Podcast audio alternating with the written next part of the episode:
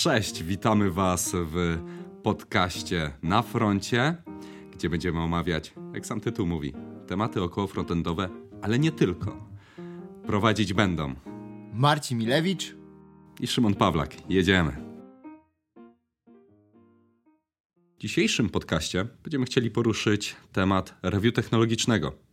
Takie aspekty jak po co jest nam to narzędzie, kiedy powinniśmy je wdrażać, jakie mamy efekty na samym końcu. Podsumujemy to stwierdzeniem, czy to się opłaca. A teraz stały segment naszego podcastu. Mam nadzieję, że się Wam spodoba i się przyjmie. A mianowicie chcielibyśmy porozmawiać o tym, co ostatnio przeczytaliśmy, bądź jesteśmy w trakcie czytania, ponieważ niektóre książki to są po prostu kobyły. Marcin, zacznij. Ja postanowiłem skorzystać z wolnego czasu w święta i zacząłem zgłębiać swoją wiedzę w React Native.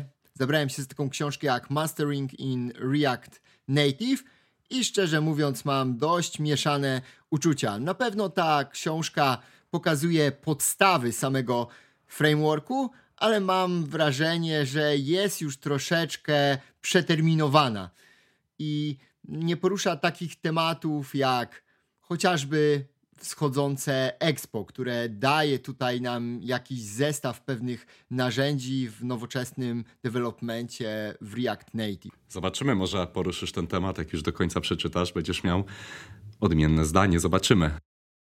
Ja nie techniczną rzecz. Ja nie techniczną rzecz i nadal jestem w trakcie. A mianowicie książka Zasady Reya Dalio. Książka jest podzielona na, na dwie książki, mógłbym powiedzieć. One są chyba osobnie e, możliwe do kupienia, a mianowicie zasady w życiu prywatnym i zasady w życiu zawodowym. Ray Dalio, inwestor, osoba, która od 40 lat prowadzi firmę inwestycyjną o nazwie Bridgewater. W książce przedstawia zasadami, którymi się kieruje, no właśnie w życiu prywatnym i w życiu zawodowym. Przedstawia, dlaczego Bridgewater jest tak, można powiedzieć, rewolucy rewolucyjną firmą. Dlaczego te zasady też w dużej mierze mogą działać w życiu prywatnym? Jako spoiler, jedną z rzeczy, które tutaj mm, można powiedzieć, jedną z zasad jest, już teraz zapomniałem jak on to nazywa, ale taka e, transparentność stuprocentowa, e, prawdomówność stuprocentowa. No i chociażby karty baseballowe, czyli u siebie wśród pracowników w firmie każdy z nich ma stworzoną taką kartę baseballową, która opisuje słabe i mocne strony danego pracownika, aby każdy miał świadomość tego, e, z jakim tematem do danej osoby może pójść i żeby jak najefektywniej ta osoba to załatwiła. Dosyć kontrowersyjne rozwiązanie, ale też przedstawia, w jaki sposób to zostało wprowadzone. Polecam. Nie techniczna rzecz, ale dająca do myślenia to bardzo ciekawa koncepcja i przyznam się, że książka Zasady Reya Dalio jest na mojej półce wstydu. Dużo o niej słyszałem dobrego i chciałbym wreszcie znaleźć trochę czasu, aby móc bardziej zagłębić się w te tematy. Ale wracając do meritum naszej dzisiejszej rozmowy. No właśnie. Review technologiczne, temat, e, który dzisiaj chcemy poruszyć. Marcin, Jakie są Twoje doświadczenia? Moje doświadczenia z review technologicznym są takie, że tak naprawdę dopiero w naszej firmie spotkałem się z samą ideą review technologicznego, które odnosiłoby się stricte do aplikacji frontendowych. A jakie są Twoje odczucia na ten temat? No właśnie, jakby to, że jest to ustrukturyzowane, jakoś nazwane, e, to dopiero teraz mam takie doświadczenie, że, mm, że się z tym spotykam. E, wcześniej to bardziej było w kluczu takim, że coś w projekcie, się, w projekcie dzieje się źle, weryfikujemy, sprawdzamy, ale w jaki sposób, co ile, w jakim właśnie w jakim kluczu, jaka osoba to powinna robić. Nigdy wcześniej jakby tego tematu w innych firmach nie miałem poruszonego, nie było poruszane. E, no i właśnie dzisiaj chcielibyśmy poruszyć ten temat prawda? Czy no właśnie, i to jest może coś, co, czego powinniśmy zacząć. Po co nam review technologiczne? Jak myślisz? Dla mnie review technologiczne możemy potraktować jako pewien rodzaj informacji zwrotnej, która dałaby nam e, wszelkie informacje, aby nasz produkt stawał się cały czas lepszy. W review technologicznym wszystko zależy od tego, kto będzie robił. I ja uważam, że największy sens jest, jak robi ktoś to spoza projektu, ponieważ wtedy taka osoba nie będzie miała żadnych zaszłości wiedzowych, będzie mogła spojrzeć na to z zupełnie nowej perspektywy i dać nam właśnie tą informację zwrotną na temat tego, co ona widzi. Bez żadnego kontekstu, bez, y, bez żadnej wiedzy, dlaczego to tak powstało, tylko same fakty. Tak, to na pewno. Jakbym, ja bym to trochę nazwał tak, może spłycając lekko, żeby nie taplać się w własnym sosie przekonań, wiedzy i tego, co w tym projekcie zrobiliśmy, bo po prostu te rzeczy, które. Wiesz, jak to jest? Może taki efekt gotującej się lekko żaby, co nie? Przywykamy do pewnych rzeczy, prawda? A, nie wiem, te set timeouty już tak bardzo w oczy nie kolą, co nie? E, na początku może miało się jakąś taką ideę, żeby się tego wyzbyć, ale to już ja już przywykłem, co nie? Więc to, co mówisz, właśnie review technologiczne na pewno powinna robić osoba z zewnątrz, tylko nadal właśnie, tak jak powiedziałeś, że to jest feedback, co nie? E, feedback, no ale po co nam feedback? Feedback zazwyczaj mamy w odniesieniu do człowieka, tak? Nie wiem, do osoby, pracuje dobrze, pracuje źle. No, osoba to jest coś innego niż aplikacja, co nie? A tutaj feedback, czyli co? Czyli wartościowa informacja, która pozwoli nam uzyskać jeszcze lepszą jakość tego, co robimy. W odniesieniu do człowieka dajemy komuś informację zwrotną, żeby ta osoba przede wszystkim dowiedziała się o punktach odnośnie swojego zachowania, swojego działania, o których sama nie wie. Tak samo tutaj w review technologicznym też staramy się znaleźć coś, czego zespół projektowy tworzący aplikację może nie wiedział. Daje to świeże spojrzenie, wkłada nową wiedzę w ten projekt i tutaj wszystko zależy od tego, jak ta wiedza dalej będzie wykorzystana. A w takiej sytuacji, kiedy żadnych nie mamy oznak, czytaj klient jest zadowolony, pracownicy są zadowoleni, to czy jest sens robić review technologiczne? Jak myślisz? W sensie, rozumiesz, nic nam nie mówi, że coś się złego dzieje. Wręcz przeciwnie, mamy same pozytywy. E, wszyscy są zadowoleni, klient jest zadowolony, klient, projekt się monetyzuje. Widzisz sens, żeby to robić? Jak najbardziej. I znowu tutaj odniósł się do tego, że naj, naj, najważniejsza i najbardziej wartościowa informacja zwrotna to będzie właśnie taka o faktach, których sam, sami nie zauważamy. To, że jesteśmy zadowoleni z aplikacji, to, że klient jest zadowolony z aplikacji, to nie oznacza, że nagle może coś się takiego wydarzyć, że będzie problem. A review technologiczne, które będzie następowało w określonym momencie projektu, niekoniecznie tylko raz. Możemy sobie ustawić, że robimy takie co roku, możemy ustawić, że robimy co jakiś większy release na produkcję, da nam informację, która będzie, którą będziemy mogli wykorzystać jako input, co zrobić, by zminimalizować ryzyko wystąpienia potencjalnego błędu, co niewątpliwie może zaoszczędzić nam czas w przyszłości. Czyli to jest takie podejście, prawda, gdzie zamiast leczyć, to prewencyjnie cały czas weryfikujemy, czy jesteśmy w dobrych torach, co nie? To jest dobre, co powiedziałeś, że e, klient jest zadowolony, wszystko jest ok, pracownicy są zadowoleni, ale to wcale nie oznacza, że e, zbliżamy się ku.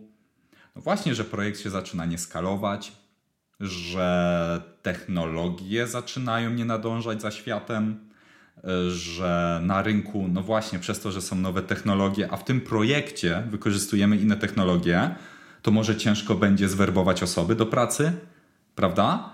E, to ciężko wychwycić, a po symptomach, że coś już jest nie tak, jest o wiele ciężej później naprawić, co nie? I się dostosować. Tak, poza tym czasem jak Tworzymy cały czas nowe funkcjonalności w aplikacji i nawet jeżeli byśmy sami chcieli spojrzeć tak na chłodno na swoją aplikację, to może okazać się, że nie ma czasu, ponieważ nie, sami nie planujemy czegoś takiego jak y, przejście audytowe przez własną aplikację. No i taki rachunek sumienia z samym sobą, prawda? I z tą aplikacją.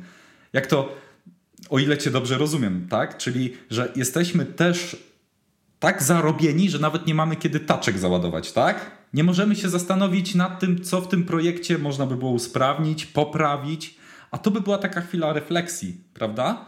Okej. Okay. Tak, i tutaj nawet zakładając, że największą wartość dostaniemy, jeżeli takie review technologiczne przeprowadzi ktoś z zewnątrz, to nawet wydaje mi się, że jeśli nie mamy takiej możliwości, żeby ktoś z zewnątrz przeprowadził takie review, to też warto pamiętać, abyśmy sami w swoich projektach w ostateczności planowali sobie takie punkty, w których będziemy mogli się pochylić nad tym, co mamy i jeszcze raz zastanowić się nad, nad tym, czy wszystko zrobiliśmy jak najlepiej. No i tutaj jedną z rzeczy, które wymieniłeś, skalowalność aplikacji.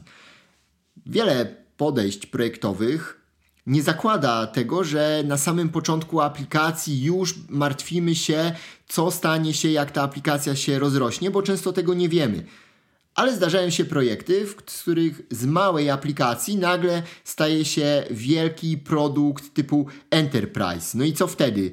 Wtedy jest jasnym to, że metodologie, podejścia, które stosowaliśmy na samym początku, no nie będą się skalować, aby ten pro produkt mógł powstawać w takim samym tempie, z taką samą jakością, w momencie, kiedy zespół się skaluje, skalują się wymagania, no a niekoniecznie technologia nasza użyta i podejścia mogą się skalować i to na pewno jest jedna z rzeczy, które review technologiczne może wychwycić. Dokładnie, dokładnie. E, już poruszyłeś trochę ten punkt, ale kiedy według Ciebie? No bo robić właśnie tak ad hocowo, cyklicznie. Widzisz jakieś zależności, jeżeli jeżeli sobie powiemy, dobra, review technologiczne ma sens, no to do kiedy w kalendarz w co kiedy ja mam sobie wbić, żeby mieć przypominajkę, żeby to zrobić? Jak myślisz? Okej, okay, ja bym to podzielił na takie e, dwa przypadki.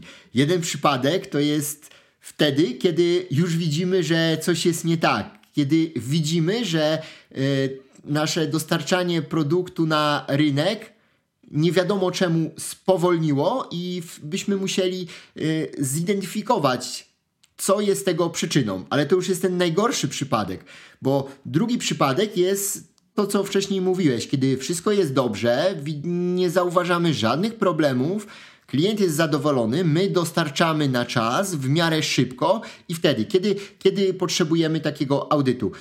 Myślę, że może być to z góry ustalone jako zbieżne z jakimiś naszymi milestonami w aplikacji, kiedy, kiedy wprowadzamy całkowicie nowe, nowe, nowe podejście, nowy moduł do aplikacji, kiedy wiemy, że zespół się nagle bardzo szybko wyskalował. Ciężko powiedzieć, tak szczerze mówiąc. Chciałbyś to podpiąć do jakichś zdarzeń, które występują w projekcie. A ja się zastanawiam, czy nie można by było powiedzieć, na przykład, tak na głos myśląc, jakiś projekt taki startupowy, gdzie no dynamicznie to wszystko się rozrasta. Też można by było to uzależnić od ilości deweloperów w tym projekcie, no bo ilość deweloperów gdzieś tam bezpośrednio daje nam obraz tego, ile produkujemy e, na samym końcu tego kodu. Więc początek projektu częstotliwość takiego review częstsza, większa, a później właśnie rozluźnienie i coraz rzadziej, ponieważ to jest już w jakiś sposób zaplanowane i poprawnie zrobione od początku. Chociaż się zastanawiam, czy to ma sens. Taka myśl teraz mi przyszła, że na początku możemy jak najwięcej, no bo też wiemy dobrze o tym, że architektura, która, na architekturę najciężej zmienić, prawda? Tak i też uważam, że architektura na frontendzie też powinna powstawać ewolucyjnie, bo kiedy mamy począt początkowe e, założenia projektowe, ustaliliśmy sobie jakieś drivery architektoniczne i tworzymy aplikację MVP. no to nie będziemy wtedy aż tak bardzo skupiać się na niektórych szczegółach, które mogą być ważne w momencie, kiedy nasz klient powie: OK, te MVP jest zadowalające, to teraz skalujemy i tworzymy z tego duży produkt. I to jest takie pewne zdarzenie projektowe, i myślę, że w tym właśnie miejscu dobrze by było zrobić taki zewnętrzny audyt, żeby wiedzieć, w którą stronę idziemy. Które rzeczy z, tego, z tej fazy MVP były dobre i powinniśmy dalej to kontynuować, a które już mogą nie okazać się tak bardzo skalowalne i trzeba by było zmienić. Bo też bo jeszcze też chciałbym tutaj też nadmienić, że w takim review technologicznym, podobnie jak w dobrej informacji zwrotnej, nie chodzi tylko, żeby wskazać negatywy, ale także, żeby wskazać fakty, które są pozytywne, które potwierdzą nas w tym, że nasze działanie jest dobre i właśnie tak powinniśmy dalej postępować. O, jak tego nam brakuje. Jak tego nam brakuje, prawda? W życiu codziennym i we, i we wszystkich aspektach. W ogóle e, może gdzieś podlinkujemy, może damy super artykuł twój związany z tym, jak code review powinno się robić, co też jest pewną formą e, feedbacku. No tam właśnie uświadomiłem sobie, jak ważne jest to po przeczytaniu tego, żeby dawać, słuchaj, dobrze zrobiłeś. To fajnie zrobiłeś. Ale to abstrahując od tego tematu, wróćmy sobie do review technologicznego. Czy my możemy dać słuchaczom jasną wskazówkę? Rób co trzy miesiące, rób co rok, rób co dwa lata? Myślę, że odpowiedź na to jest taką najsłynniejszą odpowiedzią. To zależy, bo nie sądzę, nie sądzę, żeby dla każdego projektu jakieś ramy czasowe były zawsze stałe. Ponieważ jeżeli, jeżeli mamy mały produkt, no to te review technologiczne może nie być aż tak potrzebne, aż tak często. Z drugiej strony, kiedy mamy duży produkt i mamy te zapotrzebowanie na częstsze e, review technologiczne, to może się okazać, że te review będzie za drogie, ponieważ review dużej aplikacji no na pewno nie zajmie tyle samo czasu, co e, przejście przez jakąś, jakieś malutkie MVP. Wtedy też powinniśmy zrównoważyć to, czy koszt tego review da nam rzeczywistą wartość. Dokładnie. Dokładnie. No bo to też trzeba pamiętać, że to nie jest tylko i wyłącznie czas osoby, która robi review, tylko osób, które są w projekcie. One też muszą być i odpowiadać na pytania, prawda? To sobie też za chwilę yy, do tego tematu też przejdziemy, w ogóle jak robić takie review. Yy, ale no właśnie, idąc już dalej. Jestem w sytuacji takiej, że dobra, słucham tego podcastu, wesoło sobie klepię e, jakąś aplikację, chcę zrobić review. Mm, kogo ja potrzebuję wziąć? Jakich kompetencji ta osoba, jakie kompetencje musi mieć ta osoba? Jak uważasz, żeby zrobić takie review technologiczne? I tutaj, jako że to jest e, podcast o frontendzie, no to skupiamy się na frontendzie co jest nieoczekiwane. Myślę, że ta osoba na pewno powinna posiadać taką szeroką wiedzę holistyczną na temat tego, jak aplikacja powinna wyglądać w takim idealnym świecie. Aby móc w późniejszej fazie review zaproponować także jakieś działania, bo oczywiście na początku musimy zacząć od tego, żeby określić, co mamy w tej aplikacji, jak to działa, ale też w, o, nieodłącznym elementem będzie zaproponowanie konkretnych zmian. Czyli dajmy na to, ciężko byłoby zrobić review technologiczne aplikacji Angularowej osobie, która nie zna Angulara. I vice versa. Ciężko by było zrobić review technologiczne aplikacji Reactowej oso osobie, która nie zna Reacta ale to też pewnie zależy od poziomu e, tego review technologicznego, bo e, jest wiele aspektów, i e, które powinniśmy, którymi powinniśmy się zająć. O, tych aspektach oczywiście też dzisiaj sobie powiemy, bo możemy z, z, zająć się takimi bardzo ogólnymi rzeczami, czyli czy aplikacja ma dobrą wydajność, czy aplikacja działa na różnych przeglądarkach, czy czy w aplikacji dobrze są poukładane procesy samego developmentu, ale także może te review dotyczyć takich większych szczegółów. Czy spełniamy najlepsze praktyki danego frameworka, czy nasz kod jest poprawny. Wszystko zależy od tego, jaki poziom tego audytu sobie wybierzemy. No właśnie, Marcin, bo tutaj poruszasz coś takiego, co u nas w firmie nazywamy jako y, y, dwa osobne procesy. Mamy review technologiczne, które jest dosyć proste. Czyli właśnie patrzymy, czy jest najnowszy framework, czy jest up to date, patrzymy sobie właśnie, o, chociażby puszczamy Lighthouse'a e, i weryfikujemy sobie podstawowe parametry z Lighthouse'a, mm, patrzymy sobie na mm, takie rzeczy jak no właśnie, jakby te podstawy, prawda? Czyli support y, przeglądarek, czy w ogóle jest uzgodnione z klientem, jaki, jakie przeglądarki supportujemy, i to nazywamy jako takie review technologiczne. No i żeby przeprowadzić to review technologiczne, takie podstawowe basic, to wydaje się, że nie ma potrzeby, żeby dana osoba miała jakieś super kompetencje i super skille, prawda? To wystarczy nawet zdefiniować sobie taki zautomatyzowany proces. Tak mi się wydaje. Ale też mamy to, co nazywamy jako pogłębione review technologiczne, które po prostu nie wyłapie no, tych rzeczy, które no, gdzieś mocno w kodzie są zakorzenione. Takim przykładem może być, nie wiem, programowanie reaktywne, implementacja Stora, czy tam y, w ogóle state managementu.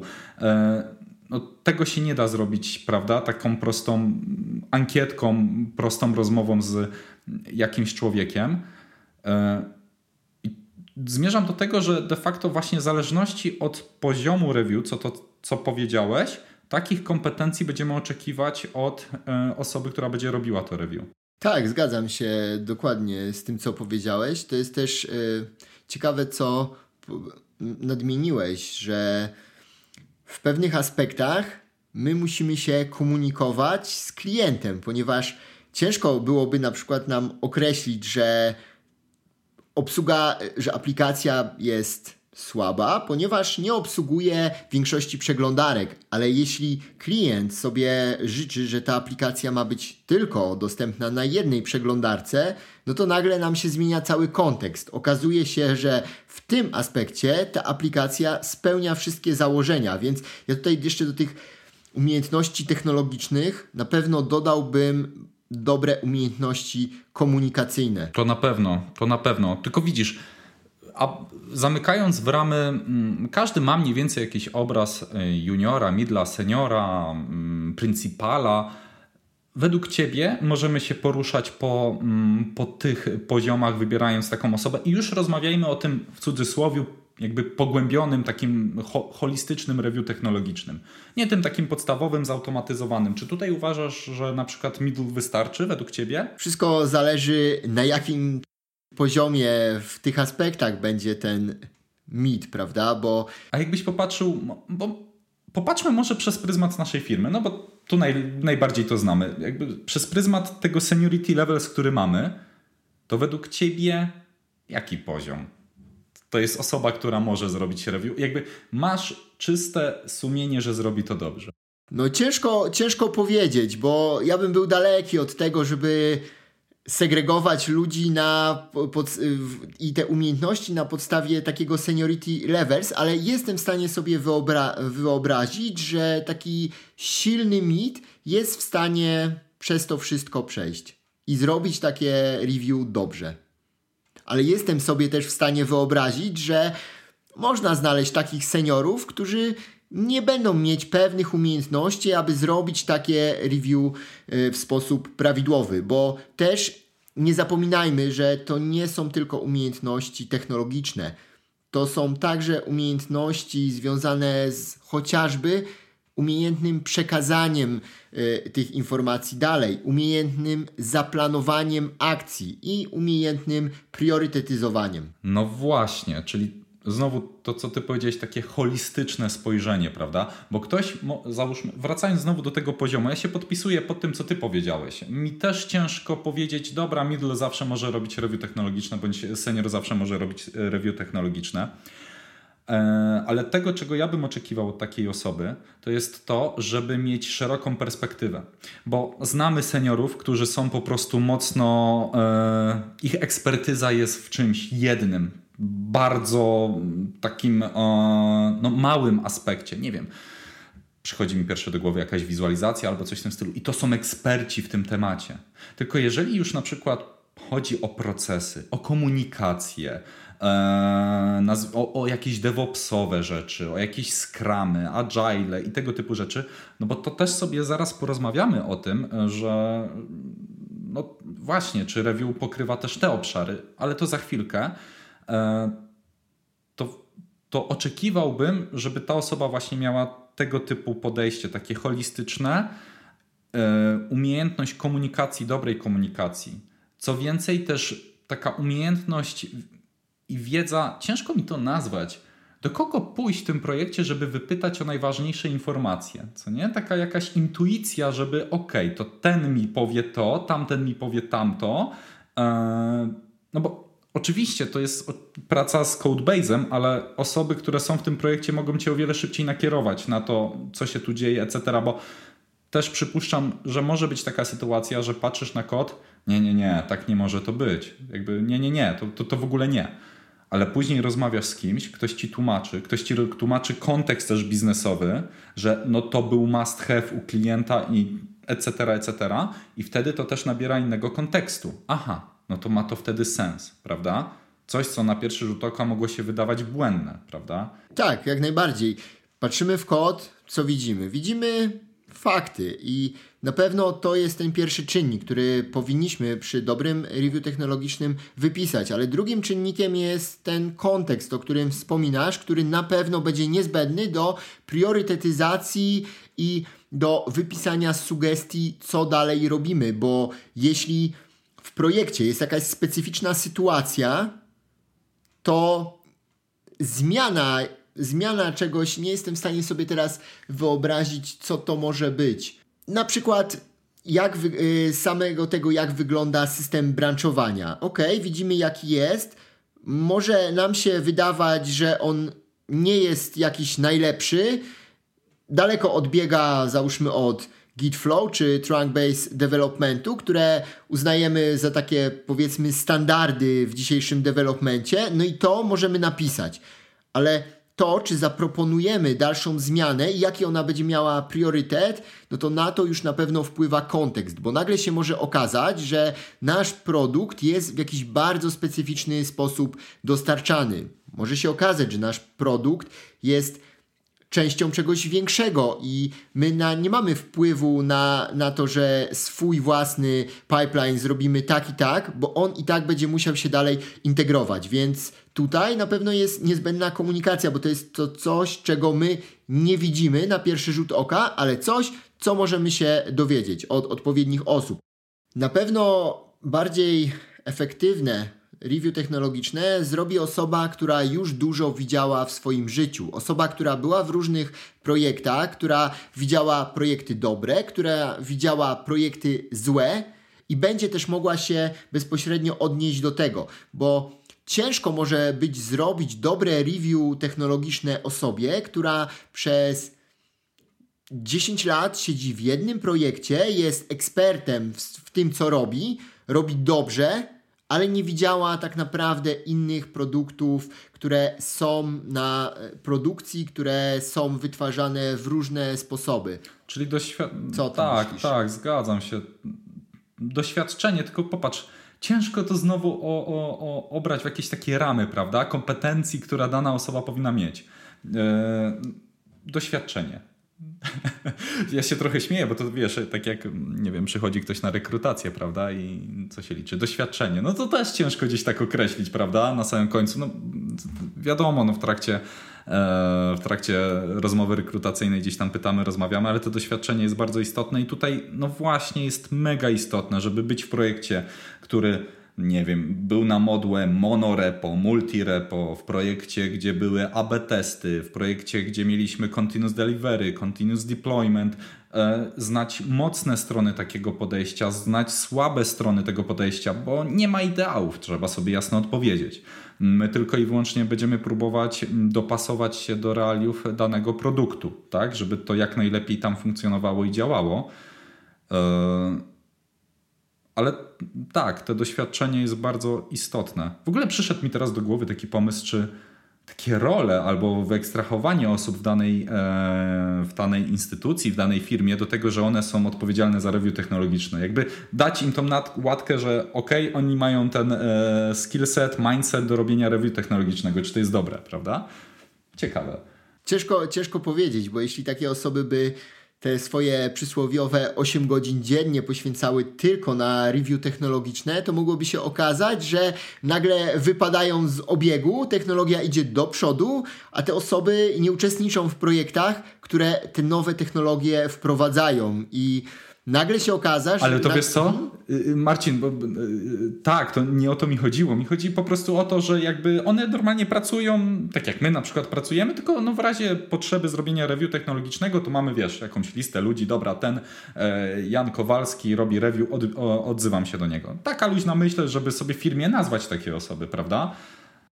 Tak, myślę, to myślę jest jak najlepszy pomysł i Tutaj na pewno też będzie lepsze review technologiczne wtedy, kiedy dana osoba nie będzie go wykonywać pierwszy raz, tylko będzie wykonywać go któryś już kolejny raz, no bo nawet osoba, która wykonuje taki audyt, no uczy się i każdy kolejny będzie coraz bardziej rzetelny. Dokładnie, dokładnie. Bo tutaj sobie porozmawiamy teraz przechodząc płynnie do następnego punktu, w ogóle co sprawdzamy w, takiego, w trakcie takiego review technologicznego, prawda? Jakby od czego zacząć, co sprawdzamy.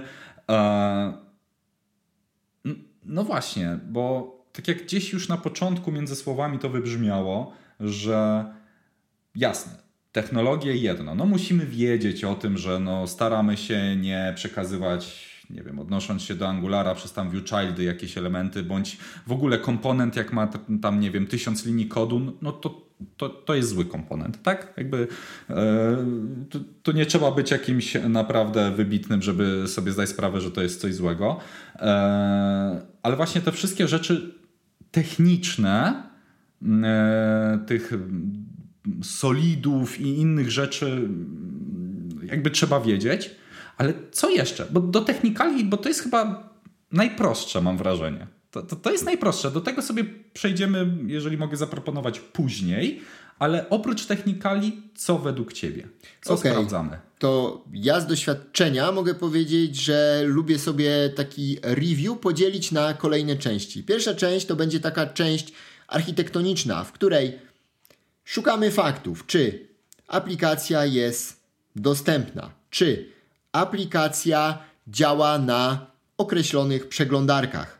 Czy aplikacja posiada jakiś framework, czy jest napisana w Vanilla JS-ie. I tutaj abstrahujemy od tego, czy lepiej, żeby ta aplikacja miała e, była napisana w Angularze, czy w Reactie, czy w ogóle React jest lepszy niż Angular, czy odwrotnie, tylko same fakty, jak ta aplikacja wygląda.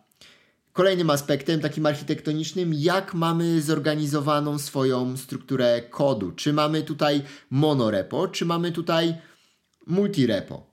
Czy dana aplikacja posiada swoje komponent library, czy posiłkujemy się jakim, jakimiś komponentami z szeroko dostępnego open source'u. Jak jeśli korzystamy z jakichś bibliotek, no to z jakich korzystamy i czy rzeczywiście one są dalej jeszcze rozwijane, czy może w wersji, której używamy, to ta wersja jest narażona na jakieś błędy bezpieczeństwa. I to myślę, że są takie, takie podstawy, od których warto zacząć, bo to nam nakreśli taki obraz całej aplikacji, czy i odpowie przede wszystkim na pytanie, czy ta aplikacja jest mała, czy jest duża, czy, y, czy wiele osób pracuje nad wieloma repozytoriami, czy jest ona, dlatego zostało użyte monorepo, bo jest, y, bo, bo, było na początku tylko w tym jedna osoba, to też tutaj chciałbym na pewno abstrahować od tego, które podejście jest lepsze, bo to też oczywiście to zależy, ale warto sobie przynajmniej takie, takie fakty stwierdzić i później zobaczyć, czy one na coś wpływają. Ale tutaj cały czas e, w obszarze mm, wyższego poziomu, ale technikaliów jesteś, prawda? Czyli to właśnie cały czas technikaliów, ale wyższego poziomu. Mm, a powiedz mi, bo w ogóle tutaj możemy sobie powiedzieć, że mieliśmy okazję wspólnie robić nawet dla jednego projektu review technologiczne, e, więc to jest też ciekawe, bo po prostu gdzieś tam wiemy, jak wspólnie działaliśmy nad tym tematem, ale e, rzeczy związane załóżmy z mm, standardami, czyli o co mi chodzi? Chodzi mi o to, czy, czy weryfikujemy, czy są spisane jakieś standardy, na przykład jakiś code of conduct, prawda? Czy weryfikujemy, jak wygląda proces agile'owy, prawda? Czy tutaj, y, jeżeli mamy testerów, czy to, to przechodzi do testerów, czy sprint, etc., jak w ten sposób tutaj podchodzimy? E, bo może ja będę też od razu od, odpowiedział, że moim zdaniem to też są istotne bardzo elementy, które warto przejrzeć. E, I tutaj, jeżeli chodzi o proces, to oczywiście ja nie mam żadnego agile coacha ani nic w tym stylu, tylko można, wydaje mi się, że można na tym etapie też wyłapać jakieś pewne błędy. E, po prostu, jeżeli zobaczymy, że no, podstawa, dany projekt yy, obliguje się do co, co sprint, że dowiezie, nie wiem, 50 story pointów, a dowozi 15. Nie trzeba być jakimś agile coach masterem, żeby powiedzieć, no to może obniżcie e, ten poziom story pointów, prawda? Bo no, jest frustracja, bo po prostu klient e, nie, nie ma tego, co się obligujecie, żeby dostarczyć E, no i to rodzi problemy na wielu poziomach, prawda? Co do Code of Conduct, jeżeli pewnych aspektów, a wiemy o tym, że też jesteśmy fanami w ogóle, to chyba każdy, żeby odpowiedzialności związane ze stylowaniem i tego typu rzeczami przerzucić do lintów, pretierów i innych sonar cloudów, e, to rzeczy, których nie można zautomatyzować, no to genialnie mieć w jakimś e, miejscu, w jakimś jednym miejscu jako źródło prawdy. Co to może być? Na przykład mm, niech to będzie, że jak tylko możemy, ucinamy komunikację e, jakąś taką bezpośrednią komponentów. Tak? Abstra- na przykład nawiązując do Angulara, mamy dwa komponenty ze sobą, no, ViewChilda czas, czasami trzeba użyć. No, ale jeżeli ktoś używa do tego, żeby zawsze komponent ze sobą komunikować przez ViewChildy, no to to jest błąd. Mamy zbyt mocną zależność, zbyt mocne połączenie pomiędzy dwoma elementami. I no, tego ciężko zautomatyzować. I to warto spisać w jakimś code of conduct, prawda? Czy coś takiego istnieje w tym projekcie. A jeżeli istnieje, to kolejny krok, czy każdy ma świadomość tego? Ile razy się spotkałeś, Marcin, w projekcie, że jakieś rzeczy, jakieś ADR-ki, czyli e, nie wiem, czy każdy jest zaznajomiony, co to jest e, ADR, ale mm, tak bardzo e, szybko tłumacząc, dajemy sobie architektoniczne decyzje w formie podpisu wszystkich świętych, że każdy się zgadza, żeby to tak robić, żeby było później odwołanie, tak, że na przykład postanowiliśmy, że robimy mikrofrontendy w taki w taki sposób, mamy na to ADR-kę, czyli każdy, kto przyjdzie. Chcesz rozwinąć skrót? Proszę. Yy, tak, tak. Architecture Decision e, Record i tutaj to jest e, w tym, w tym e, review technologicznym, które razem robiliśmy, no to właśnie był jeden z punktów takich, że nie było ADR, a wprowadziliśmy ADR.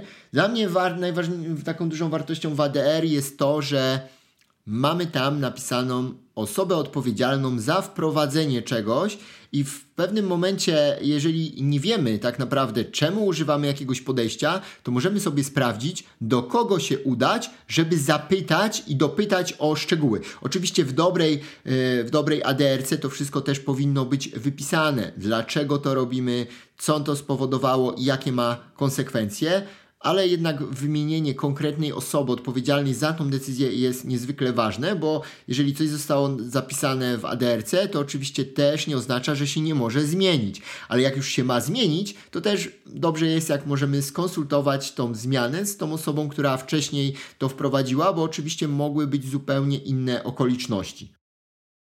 Tak, dokładnie. No i mamy wersjonowanie tego, prawda? Co, coś było postanowione na początku, że o, robimy, załóżmy mikrofrontendy, bo to jest fancy i, i tego typu rzeczy, no ale widzimy, że nie wiem, e, rozjeżdża nam się wersjonowanie, nie wiem, nie mamy Module Federation, który nam trochę załatwia jakby za nas pewne rzeczy, no to jakby cofnij, nie idziemy z tym aspektem tylko w innym i to nie ma problemu. My to możemy po prostu w następnej wersji jakiejś ADR-ki przyklepać i to jest ok, ale mamy wersjonowanie, wiemy jak to się w historii wszystko zmieniało. Ale widzisz Marcin, to co wszystko, co wymieniłem, to są nietechniczne rzeczy, prawda? Czyli to, co wyszliśmy, takie holistyczne popatrzenie na to. Dalej idąc, y, no to są techniczne rzeczy, ale dalej idąc, y, no chociażby DevOps, tak?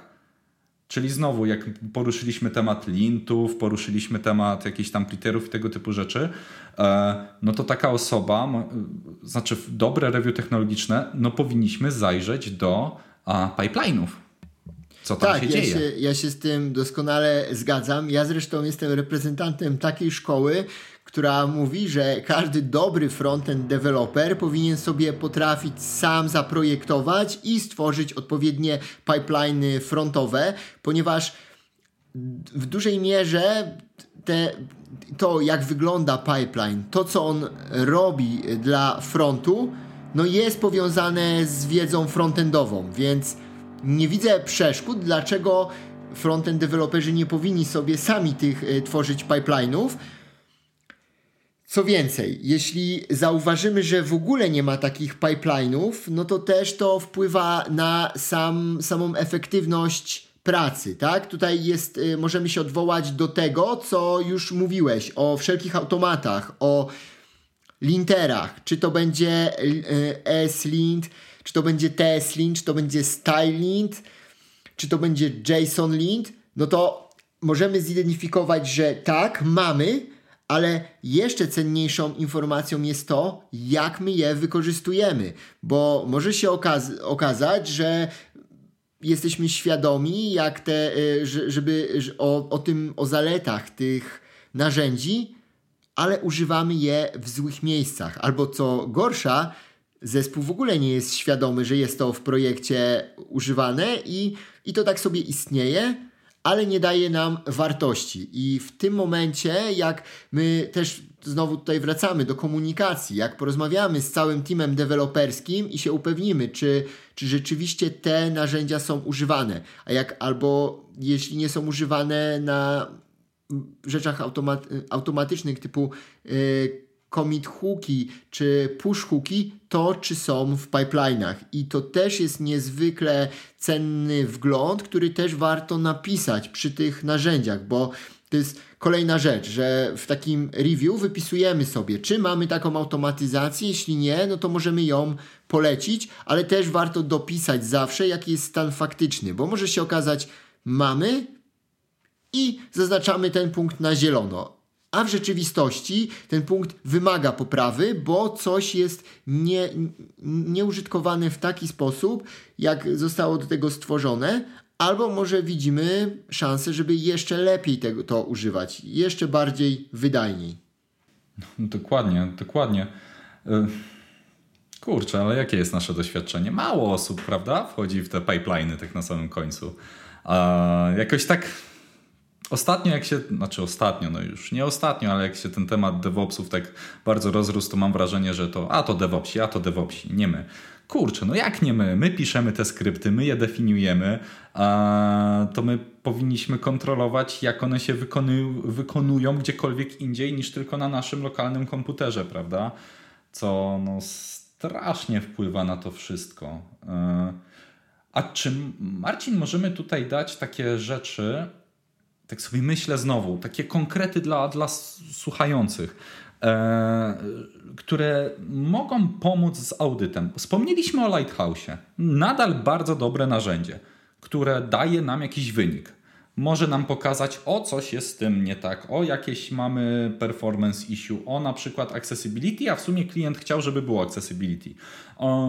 W ogóle temat Lighthouse'a, no to to jest w miarę obszerny, nie będziemy tutaj wchodzić w szczegóły, co, co dokładnie tam y, mamy wyplute, no ale przypuszczam, że każdy gdzieś tam miał z tym do czynienia. Ale co dalej? To, co mi przychodzi, na przykład NPM Audit. Tak samo. Można wdrożyć i od razu puścić i mamy informacje, co nie? Co tam NPM, teraz moja niewiedza wyjdzie, Yarn też ma? Nie jestem pewien, nie używam, nie używam Yarna. Jed...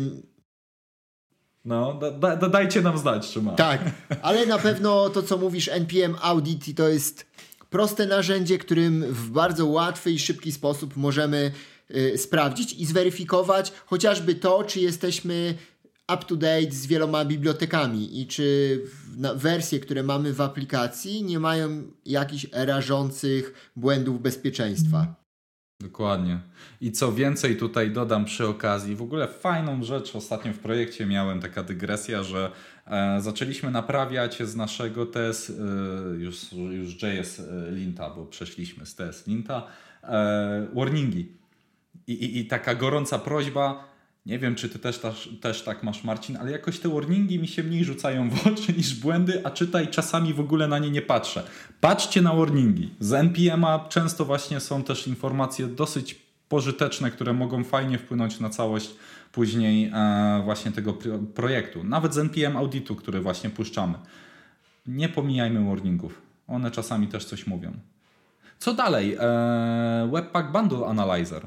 Tak samo tak, Webpack Bundle Analyzer jak najbardziej tutaj nam y, może pokazać to, czy nasza aplikacja nie jest przerośnięta, a jeśli jest, to czy rzeczywiście jest to prawidłowy, y, prawidłowy stan. W przypadku audytu, którego y, byliśmy tutaj autorami, Webpack Bundle Analyzer pokazał, że można zrobić wiele improvementów w kwestii lazy loadowania.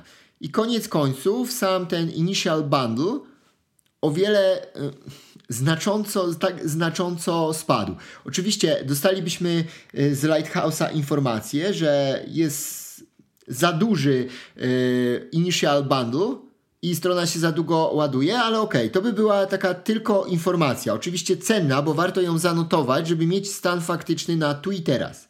Ale Webpack Bundle Analyzer pokazał nam, co rzeczywiście, jakie paczki wpływają na to, że ten initial bundle jest duży i mogliśmy poczynić odpowiednie improvementy i później znowu sprawdzić, czy to ma jakiś sens, czy to wpłynęło pozytywnie, zmniejszyło initial bundle i e, wydzieliło e, lazy loadowane moduły, po czym można było znowu popuścić ponownie Lighthouse'a i sprawdzić, czy rzeczywiście, czy rzeczywiście już te wyniki są lepsze. I to jest też właśnie ważne, żeby na samym początku też takie szczegóły, jak konkretne liczby wypisać sobie, żebyśmy wiedzieli po jakimś czasie, czy nasze działania bądź działania teamu deweloperskiego, bo to osoba, która wykonuje audyt, niekoniecznie, niekoniecznie później naprawia. W naszym przypadku tak, tak wyszło, ale no często jednak tak nie jest, tak? Tym bardziej jak może być tak, że zlecimy audyt w zewnętrznej firmie, ale musimy wiedzieć, do czego dążymy i czy nasze działania przynoszą to. Dokładnie. Czyli co, mamy te trzy narzędzia. Jakieś jeszcze ci przychodzą do głowy, które mogą wesprzeć taki proces audytu? Takiej, podstawo w takiej podstawowej wersji to nie, no chyba wszystko wymieniliśmy. Oczywiście y, takie rzeczy jak StyleLint, JSON y, Lint też tutaj w to wszystko wchodzą. Te, Jasne. E, testy.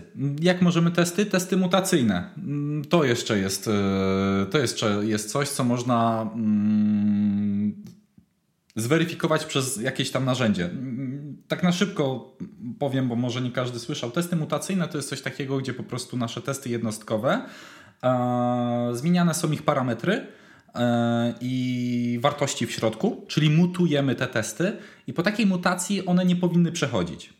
Czyli mamy trochę odwrotność e, sytuacji. I po testach mutacyjnych, jeżeli przechodzą nadal na zielono, no to znaczy, że nie mamy najlepszej jakości testów jednostkowych. Czyli załóżmy, mamy pokrycie 100%, no ale, no ale to pokrycie to jest, że true równa się true, prawda?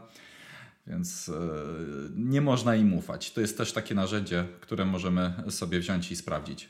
Testowanie i sam audyt to, czy mamy właściwą strategię testową w naszych projektach frontendowych, jest bardzo obszerny temat. Myślę, że to w ogóle by był tylko temat na osobny odcinek, o którym by można było rozmawiać, ale yy, spójrz Szymon na to. Kiedyś zawsze było mówione, że idealny, idealny schemat testowania jest wtedy, kiedy w aplikacji mamy tą piramidę testów, kiedy mamy bardzo wiele testów jednostkowych, później mamy testy integracyjne i na koniec mało testów end-to-end. No i niekoniecznie, niekoniecznie dzisiejsza wiedza nam to potwierdza, bo raczej już widzę, że w większych projektach od, przechodzi się do tak zwanego testing trophy, pucharu testów, gdzie to jednak te testy integracyjne dają nam tą największą siłę i nie wiem jak, nie wiem, nie wiem jak yy, twoje są wrażenia, ale ja się tak totalnie z tym zgadzam, ponieważ o tyle, ile na testy jednostkowe mogą nam zweryfikować idealnie taki sam poziom logiki biznesowej, no to jednak w dobrze zaprojektowanej aplikacji frontendowej my zawsze staramy się dzielić, tak, że na osobne warstwy, na warstwę logiki biznesowej, ale też na warstwę prezentacyjną. I okazuje się, że tą warstwę prezentacyjną, którą też chcielibyśmy mieć dobrze przetestowaną, ciężko jest tak idealnie przetestować na testach jednostkowych. Tak naprawdę te testy, nawet które my nazywamy testami jednostkowymi w Jeście, które testują nam warstwę prezentacyjną, no to nie są klasycznymi testami jednostkowymi i ciężko tam w ogóle użyć jakichś najlepszych wzorców testów jednostkowych. I często y, ten effort, jaki y, dajemy na to, żeby one były dobre, może się okazać, że jest zbyt duży do wartości, a jak podejdziemy w drugą stronę, na przykład pisanie testów w Cypressie, pisanie testów integracyjnych, tutaj z ciekawostek teraz testujemy w naszym projekcie podejście z Angular Testing Library, jak to będzie wygl e, wyglądało. Jestem bardzo ciekawy, jakie będą tego efekty. Bo które... wy nie macie Cypressa, dobrze pamiętam? Nie, u nas nie mamy, nie mamy w tym momencie Cypressa, mamy testy frontendu automatyczne w Selenium napisane i jak dla mnie one przynoszą o wiele, wiele większą wartość niż wszelkie próby testów takich już funkcjonalnych komponentów w samym Jeście, ponieważ mamy w aplikacji bardzo skomplikowane test case'y, które nie jesteśmy jednoznacznie w stanie zweryfikować, znaczy inaczej, mog, moglibyśmy je zweryfikować na poziomie takich tych testów y, jednostkowych, ale tych takich, no, no pogłęb- czy to shallow testingu w Angularze, czy pogłębionych testów. Natomiast wydaje mi się, że więcej czasu byśmy musieli na to przeznaczyć i pewnie nie tędy droga, żeby była taka wartość. Ale oczywiście tutaj to jest bardzo specyficzne od projektu i w jednym projekcie będą taka strategia testowa będzie lepsza, a w innym taka. Ale wracając do naszego audytu technologicznego, najważniejsze jest to, żebyśmy zrozumieli, jak to wszystko działa. Bo to też na przykład zależy, jak wygląda nasz zespół, e, zespół projektowy. Czy my mamy na przykład e, automatycznych testerów, czy my mamy manualnych testerów, jak podchodzimy do testów.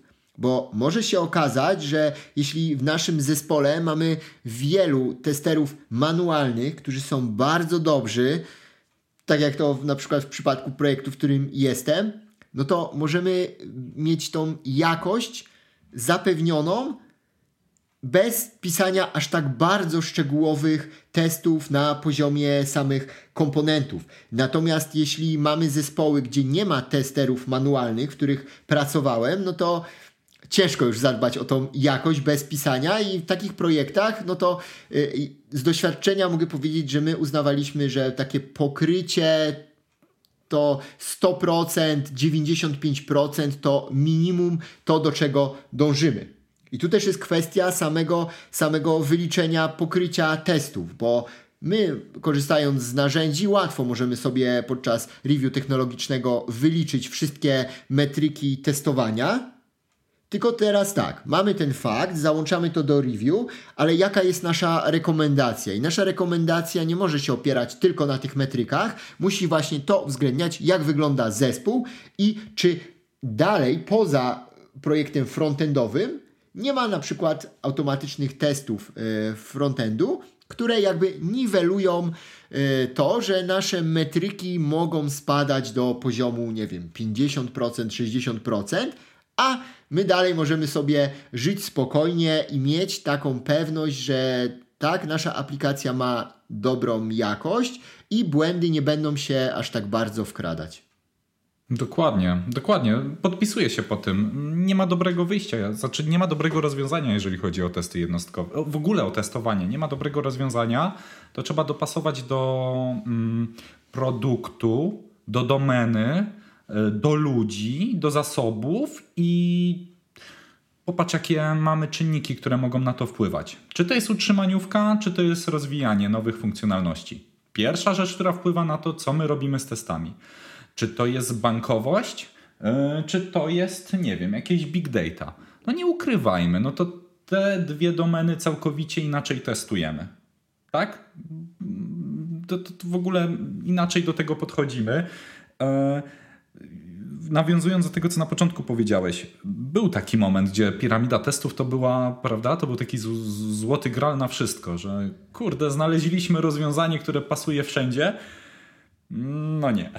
Tak, i nagle się okazało, że to rozwiązanie daje dużą wartość, ale jest tak drogie, że koniec końców klient w ogóle nie, nie chce testów, bo no nie ma, nie ma alternatywy, tak? My proponujemy mu piramidę testów, która kosztuje zbyt wiele, a wydaje mi się, że puchar testów jest właśnie takim zrównoważonym yy, czynnikiem, który da nam tą jakość, ale nie wprowadzi aż tak wielkich kosztów. Dokładnie. I popatrz, e, wracając do review technologicznego, popatrz, sam wspomniałeś, testy jednostkowe, testy w ogóle aplikacji. Jaki szeroki temat. Do kompeten- do, jeżeli patrzymy z perspektywy kompetencji osoby, która robi te review technologiczne, ona musi to wiedzieć. Musi, e, no musiałaby być, jakby mieć doświadczenie w, będąc w projekcie, gdzie była piramida testów, gdzie było właśnie, gdzie był pucharek, tak? Czy tam, bo to piramidę testów później nazywali lodami. E, w sensie, że się tworzyło tak, że na dole, znaczy taka piramida, ale na górze te end-to-endy i tak rosły. No, jakby abstrahując od tego, e, to jest to doświadczenie. Co nie? Będąc w jednym projekcie, gdzie masz tylko, załóżmy, nie wiem, testy jednostkowe, bo też tak się zdarza, albo nawet nie masz testów, ale jesteś bardzo dobry, no to, no to nie wiesz, jakie są inne rozwiązania i nie wiesz, jaką to wartość może wpłynąć. Nie będziesz mógł zaproponować nic dobrego, prawda? W, realizując taki review technologiczny. Tak, to jest też wiedzy. te doświadczenie, w jakich zespołach projektowych wcześniej E, pracowaliśmy, bo są zespoły projektowe, w których, tak jak mówiłem, może nie być manualnych testerów, którzy dają olbrzymią wartość, e, jeżeli dobrze ta ich praca jest osadzona w całym naszym procesie. Tak? W niektórych zespołach nie ma testerów automatycznych, a jak są, to niekoniecznie dobrze, e, do, niekoniecznie dobrze jakby w tym procesie są wykorzystani. I to warto wtedy właśnie mieć to doświadczenie. Jest dobrze, jak mamy to doświadczenie, żebyśmy i w takim zespole, i w takim, bo wtedy można coś zaproponować do konkretnej sytuacji, bo to też nie jest powiedziane, że My możemy mieć wiedzę, że y, jest świetnie, jak tutaj mamy dobrych manualnych testerów, jak później mamy testerów automatycznych, którzy będą nam te integracyjne i end-to-endy tworzyli, ale robimy review technologiczne dla projektu, w którym nie ma, nie ma budżetu na zatrudnienie ani testera manualnego, ani testera automatycznego. No to my, jeżeli napiszemy, że tak, no to zatrudnijcie i manualnych, i automatycznych, i to będzie idealny stan. No nie damy zbyt dużej wartości dla tego projektu, dla którego robimy to e, review, ponieważ oni i tak ich nie zatrudnią, bo załóżmy takie są założenia. I my powinniśmy umieć się też odnaleźć w takiej sytuacji, w takim kontekście i zaproponować inne rozwiązania. To co w takim razie możemy zrobić, jeżeli dla projektu, który nie może zatrudnić takich testerów, bo nie ma na to budżetu, jak osadzić wszystkie te procesy i co zaproponować deweloperom, żeby jednak mieć, spać spokojniej i mieć lepszą jakość. Dokładnie. W ogóle, Marcin, my nie poruszyliśmy bardzo istotnego aspektu, a mianowicie tego, że bo popatrz, my już tu wchodzimy na, na QA, DevOps i tego typu rzeczy, mm, ale no właśnie, bo rozmawiamy o frontendzie. Mówimy o tym, że frontend powinien poruszać się w tych obszarach, ale tutaj nasza rekomendacja jest, tak, tak mi się wydaje, żeby jeżeli robimy review technologiczne danego projektu, idealnie jest zrobić review od strony frontendu, od strony QA i załóżmy ogólnej architektury, czy tam nazwijmy sobie to backendu. E, ale nie da się tego zrobić, tak mi się wydaje, w sposób, że, że te obszary na siebie nie nachodzą. No bo przecież frontend znowu, my piszemy skrypty do DevOpsów, my testujemy po stronie frontendu, więc my już naturalnie nachodzimy na kompetencje QA-ów, prawda? To w jaki sposób my piszemy testy jednostkowe, w, y, Czemu ja cały czas testy jednostkowe powtarzam? Jak piszemy testy, wpływa na to, jak e, testerzy, czyli dział testerski, o ile jest, też realizuje swoje zadania. No bo jeżeli my mamy kozaków testerów, kozaków, jeżeli chodzi o automaty, to my możemy sobie pozwolić, to co ty też mówiłeś, na trochę inne podejście pisania testów od strony frontendu, prawda? Więc my wchodzimy na swoje kompetencje realizując te review od różnych obszarów, ale na samym końcu e, najlepiej jest tak. Znowu, wydaje mi się, żeby to było realizowane przez niezależne właśnie ekspertyzy. QA-ową, frontendową, backendowo-architektoniczną.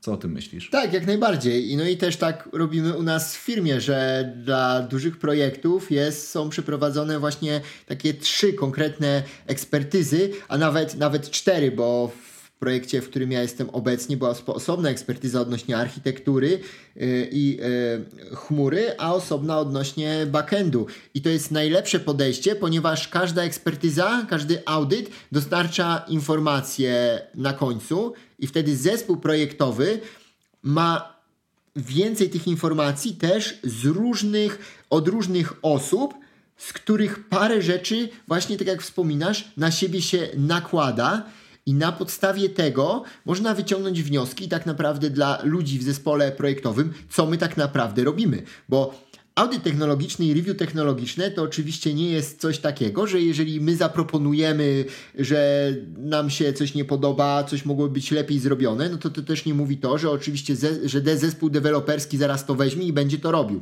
bo tu też jest y, kolejna część, to jest wszystko to spriorytetyzowanie, ocenienie, jakie jest, y, jakie jest tego, jaka jest tego pilność y, i severity, żeby jaką da nam to wartość i koniec końców to i tak zespół projektowy, ktoś po stronie projektowej oceni, co my robimy, a co tak naprawdę akceptujemy w takim stanie rzeczy, jaki mamy na ten moment. Dokładnie. Y, syntetyzujmy to, o czym sobie teraz porozmawiamy. Tak, żeby, no właśnie, znowu słuchacz miał jakąś taką realną wartość z tego, co mówimy. Eee, teraz, czy się ze mną zgodzisz? Przygotowując się do takiego review technologicznego, warto sobie właśnie spisać na samym początku te obszary, które chcę sprawdzić, żeby mieć jasność Co nie? Czyli chcę sprawdzić, nie wiem, stylowanie, chcę sprawdzić frameworki, chcę sprawdzić właśnie jakieś rzeczy związane z DevOpsami, etc., żeby no po prostu mieć te wszystkie rzeczy w jednym miejscu, odhaczać sobie. Znaleźć osoby w projekcie, które będą w stanie ci jak najlepiej wytłumaczyć te pewne obszary, bo no na samym końcu to i tak jest twoja praca z kodem, prawda? I ty się posiłkujesz z tymi ludźmi, które po prostu, y, którzy ci pomogą. Przechodząc przez te review technologiczne, znajdując pewne rzeczy, e, my nie tylko piszemy, że jest źle zrobione, prawda? No, uważam, że z tego powinna też być informacja, no dobra, to co proponujemy, prawda? Dokładnie, czyli jakaś propozycja, to też jest istotne i sobie to spisać, powiedzieć, nazwać. E, no i na samym końcu przedstawienie tego review Mm, wydawać by się mogło, że proste, prawda? Jeżeli chodzi o aspekt przedstawienia review. Wydaje mi się, że jest mega istotne, w jaki sposób my to zespołowi przekażemy. Oczywiście, jeżeli z review technologicznego wyjdzie, że to jest projekt, który po prostu Zuckerberg by się nie powstydził, no to wiadomo, to tam jakkolwiek przedstawisz, to fajnie pogratulować i powiedzieć, no jesteście ekstra ekipą i jeszcze bardziej wzmacniać ludzi w tym, e, jak fajnie pracują, ale jeżeli no wyszło coś, no to trzeba mieć te kompetencje. Tylko wiesz co, Marcin, przychodzi mi do głowy teraz tak. Czy osoba, która robiła review technologiczne, musi to przedstawiać? Załóżmy, nie ma takiej kompetencji, że jest taka trochę oschła, taka dobra, to, to, to, to, to, to, to skrzanione, to, to, to, to trzeba tak zrobić to jeżeli ta osoba, w ten, bo wyobrażam sobie, że taka osoba tak jakby może zrobić takie review technologiczne, ale za to możemy odebrać jej tej kawałek tej czynności przedstawienia tego i poprosić, żeby ktoś to inny zrobił. Czy za bardzo już kombinuje?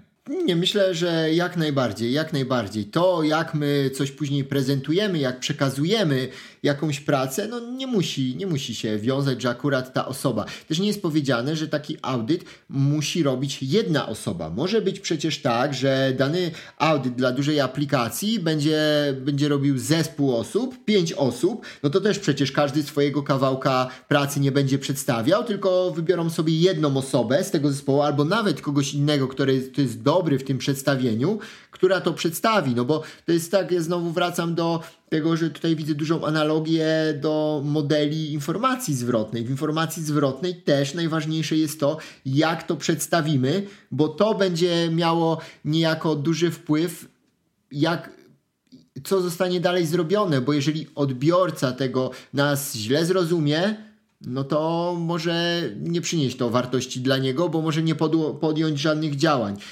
To jest też troszeczkę jak z code review, prawda? Bo w code review też często się spotkamy z tym, że niektóre osoby nie potrafią udzielić code review, ale też są osoby, które nie potrafią odebrać pewnych informacji, się wtedy frustrują. A to jest jeszcze coś bardziej rozszerzonego, bo tutaj nie, nie odnosimy się do, tylko do jednego kawałka e, kodu, tylko jakby do ogromu pracy, który zespół robił przez długi, długi czas, dokładnie. Więc tutaj jest najważniejsze, żeby potrafić to wytłumaczyć, że to tylko jest analiza stanu faktycznego, to nie odnosi się do tego, że pewnie były jakieś sytuacje w przeszłości, że niektóre rzeczy zostały zrobione tak, niektóre decyzje zostały podjęte w niekoniecznie słuszny sposób, bo może na tamten czas to była najbardziej słuszna decyzja, więc to jest bardzo, bardzo ważne, żeby dobrze przedstawić i dać też nasze te materiały, które, o których wspomniałeś, tak? Bo yy, też tak sobie pomyślałem, że przecież, że w, dlaczego warto zawsze wypisać na samym początku, zanim zaczniemy takie review, wszystkie punkty, którymi chcemy się zająć, albo tak, minimalną ilość punktów, którymi chcemy się zająć, bo oczywiście podczas review mogą wyniknąć inne rzeczy, które zobaczymy, a o których nie pomyśleliśmy, żeby to yy, dać, yy, wyszczegółowić na samym początku. Jeżeli zrobimy taką listę i będziemy odhaczać po kolei różne rzeczy, no to koniec końców też znajdziemy tam dużo pozytywów, ponieważ jeżeli będziemy mieć napisany punkt odnośnie tego, żeby sprawdzić, jaka jest nie wiem, obsługa przeglądarek albo jakie są e, metodyki w code review i dojdziemy do tego, że te metodyki są dobre, no to my to zaznaczymy. Bo jeśli my byśmy nie mieli tego na liście, no to pewnie często naturalnie będziemy tylko szukać tych rzeczy, które są y, złe i nie będziemy pamiętać, albo możemy zapomnieć, ok, ktoś nam powiedział, że to jest wszystko dobrze, no to tego nie wypiszemy. A tak koniec końców, jeżeli coś jest na przysłowiowy, ma przysłowiowy zielony kolor, no to z przyjemnością możemy napisać i też pochwalić zespół, żeby zespół wiedział, że to robi dobrze, co jest niezwykle istotne dla tego zespołu, no bo w tym momencie, jeżeli zespół będzie wiedział, że to robi dobrze, no to nie będzie też y, planował z priorytetem jakichś udoskonaleń w tych y, aspektach, no bo nie mają, nie miałyby one tu i teraz sensu. Tylko wiedziałby, że lepiej się zająć tymi deltami, jak to można ładnie nazwać, brakami. To jak to przedstawimy, to albo zmotywuje zespół do tego, dobra, działamy, robimy, nazwiemy to jako, nie wiem, nowe wyzwanie, tak po coachowemu to brzmi, ale to jest prawda. Jeżeli to fajnie przedstawimy, no to ktoś może sobie odebrać to w ten sposób, o super, to się czegoś nauczę, mm, mam motywację do tego, żeby to robić, etc. No a jak to przedstawimy w sposób no taki, który spowoduje, że aha, czyli ty teraz krytykujesz to, co ja przez 5 lat robiłem, tak? Ja ci dam.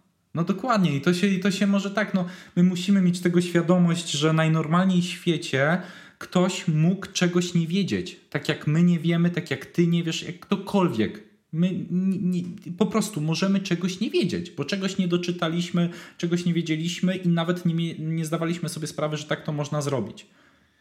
I tutaj trzeba podejść do tego naprawdę w sposób taki delikatny i fajny, żeby no po prostu dana osoba nie poczuła się, że no jest zjechana, że tak powiem, od góry do dołu.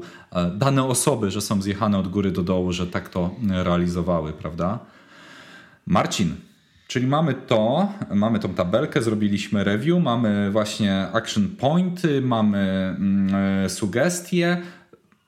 Review skończone i co dalej? Po skończonym review, to to już nasza wspomniana prezentacja, no i w tym momencie oddanie, oddanie tych wszystkich naszych informacji, które zebraliśmy zespołowi, tak? I w tym momencie to teraz to zależy też od tego, jak z danym zespołem będziemy się, yy, umówimy się, tak? Bo też wyobrażam sobie, że nasza rola jako osób robiących taki audyt może polegać tylko na przedstawieniu faktów i zaproponowaniu jakichś rozwiązań, alternatywnych podejść, ale także może to się wiązać chociażby ze zorganizowaniem jakichś warsztatów dla zespołu projektowego, który załóżmy jest nieświadomy jakichś większych aspektów. I wtedy my, też jako ekspert od danej rzeczy, możemy przeprowadzić warsztat z zespołem i wytłumaczyć, jak to powinno wyglądać w świecie idealnym i do czego mogą dążyć. Zgadzam się i podpisuję się po tym, co powiedziałeś, a Powiedz mi proszę, a akcje naprawcze kto robi? Zespół, prawda? Myślę, że zespół. Myślę tutaj jak najbardziej powinien zespół się w to zaangażować, tylko teraz wszystko, no wszystko to będzie, to też zależy jaki, to jeszcze wróćmy do tego tematu, tych priorytetów, prawda? Bo my możemy zasugerować, jak, co według y, nas w, w, ma najwyższy priorytet i także zasugerować, ja, tak robiliśmy, gdzie też wyznaczyliśmy takie complexity yy, danego improvementu i wtedy wiadomo możemy sobie wyważyć, tak, że takie rzeczy, które mają najwyższy priorytet, a najmniejsze complexity można zrobić... Takie, takie quick winy po prostu, wyekstrahować, tak. co nie? Dokładnie. I to, też, I to też wyraźnie zaznaczyć. No i zespół projektowy już w ramach tych swoich procesów powinien ustawić sobie, co robi. Co, dla nie, co to będzie najważniejsze, tak? Bo też nie możemy też zapomnieć o tym, że jak my oddamy te nasz, y, na, nasze review technologiczne, że to jest jeden i największy wyznacznik prawdy i że to, że my powiedzieliśmy, że coś ma tak wyglądać, no to zespół musi to wszystko wziąć. To ponownie bym to potraktował jako informację zwrotną. Z informacji zwrotnej to my dostajemy tak jakby koszyk z prezentami i my sobie sami wybieramy, czy my chcemy ten prezent w tej postaci, czy my nie chcemy z tym nic robić, tak? I zespół projektowy też według swoich wymagań, swoich możliwości, może sobie wybrać, które te aspekty, nad którymi aspektami chce pracować, żeby to było lepsze, a na które na przykład nie ma możliwości, albo z jego punktu widzenia i sytuacji, no to rzeczywiście nie są aż tak ważne i na przykład ta nasza estymacja priorytetowa mogła być mylna. Więc to już uważam, że to jest odpowiedzialność zespołu, żeby sobie tam żeby sobie wybrać to, co się chce. Oczywiście my jako osoby, które realizowaliśmy ten audyt, które, które mamy już taki większy wgląd, możemy wspomóc. Ale ta pomoc najlepiej jakby właśnie ograniczała się do warsztatu, do prezentacji i do rozszerzania wiedzy. Dokładnie, dokładnie. I tutaj yy, zgadzam się. Dodałbym jeszcze jedną rzecz, yy, a mianowicie, czy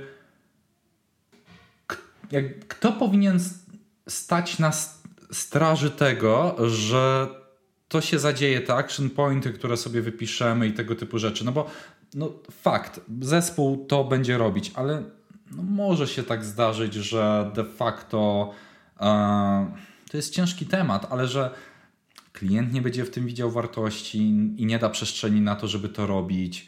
E, jakby w jaki sposób to drive'ować? To jest mega ciężkie.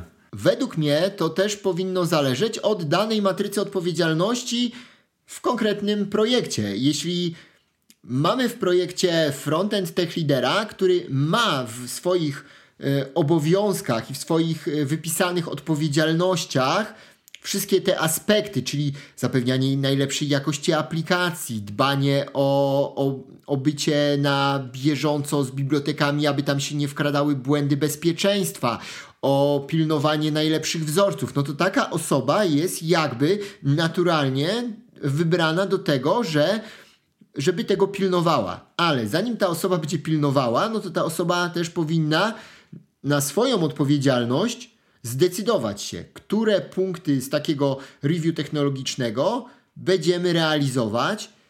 Zastanowiła się też sama, że mając swoj, swoją wiedzę projektową, co nam da największą wartość, i przede wszystkim taka osoba powinna pójść do klienta, zaprezentować jakby to jeszcze raz klientowi, uzyskać potwierdzenie, że klient jest z tym ok, że my będziemy robić takie i takie zmiany. Oczywiście ta osoba też powinna wytłumaczyć, dlaczego to powinno, dlaczego yy, część tych rzeczy typu dlaczego, po co, będzie miała na pewno w yy, dokumentach, które dostanie jako output yy, review technologicznego, ale też od siebie. Powinna dodać, że dlaczego jej zdaniem jest to ważne, no bo ta osoba powinna wziąć wszelką odpowiedzialność za realizację. No i ta osoba, tak jak powiedziałeś, powinna dalej to drive'ować w zespole projektowym, a to jak, komu, no to też pewnie indywidualnie będzie zależało od struktury zespołu, od tego jak zespół działa, jakie są procesy, jakie są możliwości i jak się umówią ale na pewno, no tak najważniejsze, żeby był ktoś za to odpowiedzialność, bo odpowiedzialność zespołowa to jest według mnie odpowiedzialność rozmyta. I może nagle się okazać, że nic nie zostanie zrobione albo coś zostanie zrobione na parę Dokładnie. różnych sposobów. Tak jak z tymi ADR-kami, co wspomnieliśmy, prawda? Też tam jest ta odpowiedzialność. Odpowiedzialność jest bardzo istotna i tutaj też trzeba po prostu jasno e, cedować te rzeczy. Tak, jak najbardziej, jak najbardziej. Bez dobrego, dobrego zarządzania, takiego odpowiedzialno, odpowiedzialnego, z, z takiego z lidera, który bierze w projekcie na siebie pełną odpowiedzialność, no to nie tylko w review technologicznym, ale także w samym projekcie na pewno może się nie dziać za dobrze, bo ponownie ta, to wszystko może się rozmywać. Dokładnie. I wracamy do tego, co. Powiedz. No, mhm. słucham. Ja bym chciał cię jeszcze. Powiedz mi na przykład yy, odnośnie tego, z czego byśmy mogli jeszcze skorzystać robiąc takie, takie review, bo wydaje mi się, że niedługo będziemy kończyć na, nasze, więc jakbyśmy tak jeszcze mieli coś dorzucić i podsumować, co nam, daj, co nam daje takie wyznaczniki dobrych praktyk.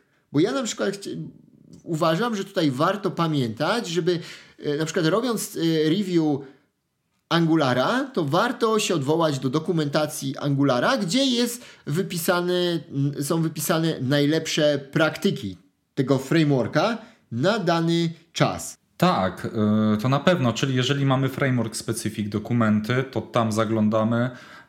Też są fajne guideliny, takie, mm, jak to się nazywa, na, pewnie to widziałeś, taki, mm, taka lista dobrych praktyk. Y, to nie jest przez Angulara napisane, ale po prostu na, mm, na Gicie można znaleźć y, rzeczy takie jak na przykład jak używać NG4, z performanceem, jak używać NG modelu, ten banana box i tego typu rzeczy, reaktywne formularze, niereaktywne przechodzimy sobie przez to, bo to naprawdę jest fajne źródło prawdy, które nam da, bardzo dużo daje. Co więcej, e, literatura.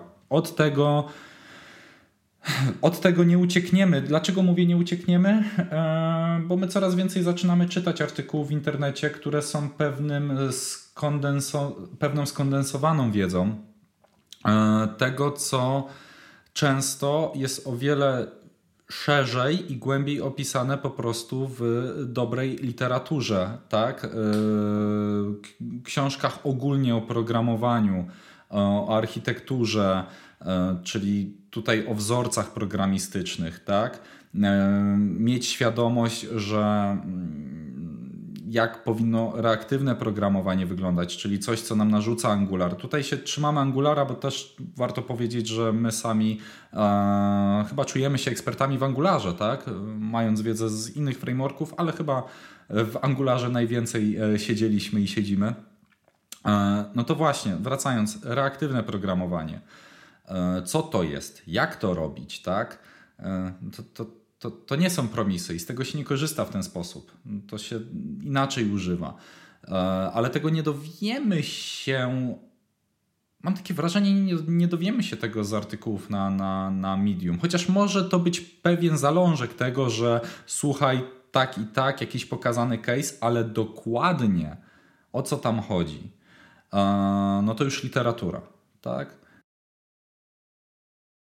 Tak, oczywiście. Nie możemy też bezrefleksyjnie traktować każdych artykułów w internecie, ponieważ wiele osób niestety tak robi, a ja mam takie wrażenie, że więcej, więcej jest tych artykułów, które pokazują złe techniki, niż tych artykułów, które pokazują dobre praktyki. Też jest warto, żeby, warto, żeby podchodzić tak refleksyjnie do takich rzeczy i rzeczywiście sprawdzać coś, zanim coś polecimy. Ja też dam taki dobry przykład, jeśli znowu tutaj wracając do tego Angulara, lista best practices y, Angularowa, ta oficjalna, zmieniała się w czasie i coś, co było dwa lata temu ok, w tym momencie jest już nie ok. I to też powinniśmy brać pod uwagę, żeby odnosić się do tego, jaki jest bieżący stan wiedzy, bo każdy framework zmienia się. Dokładnie. Tak? Hooki, tak E, klasy, pro, programowanie funkcyjne w reakcie, no to też e, no to się zmieniło, tak? Na dobre, na złe, nie wiem, różne opinie słyszałem. E, I dokładnie, więc ta literatura jest ważna. I tutaj chciałem jeszcze dodać jedną rzecz, ale już mi to wyleciało z głowy. Więc lecimy dalej, wydaje mi się. Lecimy dalej, e, kończąc już, bo ile już rozmawiamy? Rozmawiamy już o godzinę 20. No to kończąc. Ciekawe, ile w postprodukcji zostanie. e, ostatni punkt, jaki sobie za zapisaliśmy, czy to się opłaca? czy to się opłaca? I to jest coś, co już na samym początku powiedzieliśmy, że mm, no nie będzie się opłacać, jeżeli będziemy robić je co tydzień. No, to jest oczywiste. Eee, czy to się opłaca? Moim zdaniem tak, opłaca się. Zawsze dobrą praktyką jest ta refleksja, eee, na chwilę takie przycupnięcie i zastanowienie się, dobra, to gdzie my jesteśmy? Czy w, wokół nie powstało coś, co jest lepsze i my z tego nie korzystamy? I to nie wynika tylko i wyłącznie z faktu, nie wiem, naszej niewiedzy, tylko po prostu z tego, że my musimy tak dowozić, że nie ma czasu na to, żeby się zastanowić nad tą właśnie architekturą, żeby, architektować, żeby planować, żeby podejść refleksyjnie do tego. E, czy to się będzie opłacać? Na samym końcu zależy, jak y, ustawimy tą cykliczność, jak zostanie to przeprowadzone sprawnie. No bo to też jestem w stanie sobie wyobrazić, że duże kompetencje osoby, która robi te review technologiczne, będzie implikować, że nie będzie potrzebowała aż tylu zasobów i czasu z zespołu. E, co też może przełożyć się bezpośrednio na to e, spieniężenie danego, e, danego no po prostu spieniężenie tej, tej akcji. I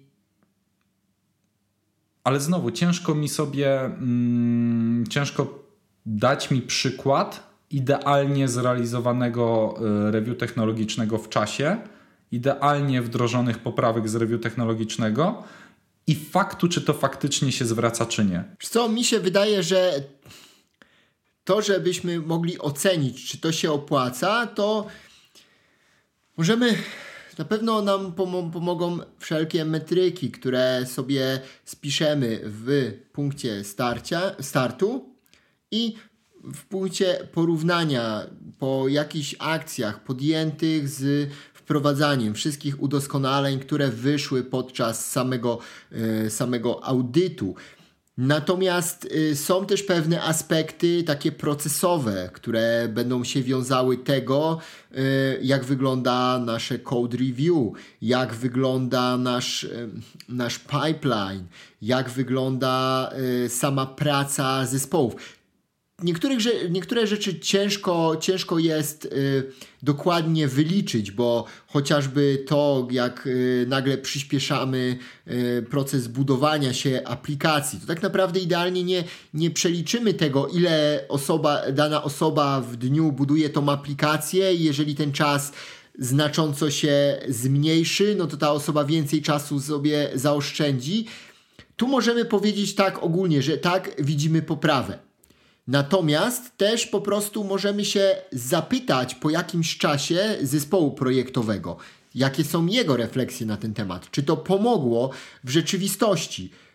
I wtedy może się, wtedy pewnie się okaże, czy, czy to, co zrobiliśmy, miało sens, czy było dobre czy może wprost przeciwnie, nie? To jest... Wiesz to taki przykład, taki przykład, jeżeli mogę od razu mi przyszedł do głowy, że e, popatrz, taki quick win. E, załóżmy, że robimy aplikację i ona nie miała zdefiniowanego, jakie przeglądarki ma e, wspierać. E, I co? I załóżmy dużo użytkowników e, zmyślam, ale dużo użytkowników e, chciało korzystać z tego z, nie wiem, Edge'a a tam się to rozjeżdżało, nie było intuicyjne i ludzie to porzucali, nie kupowali tego produktu, bo po prostu uważali, że to jest zły produkt. Rozszerzenie Browsers List w projekcie, co nie, o, o, o, o po prostu obsługę Edge'a. Mówię, to zależy oczywiście od projektu, ale hipotetycznie i załóżmy to wystarczy.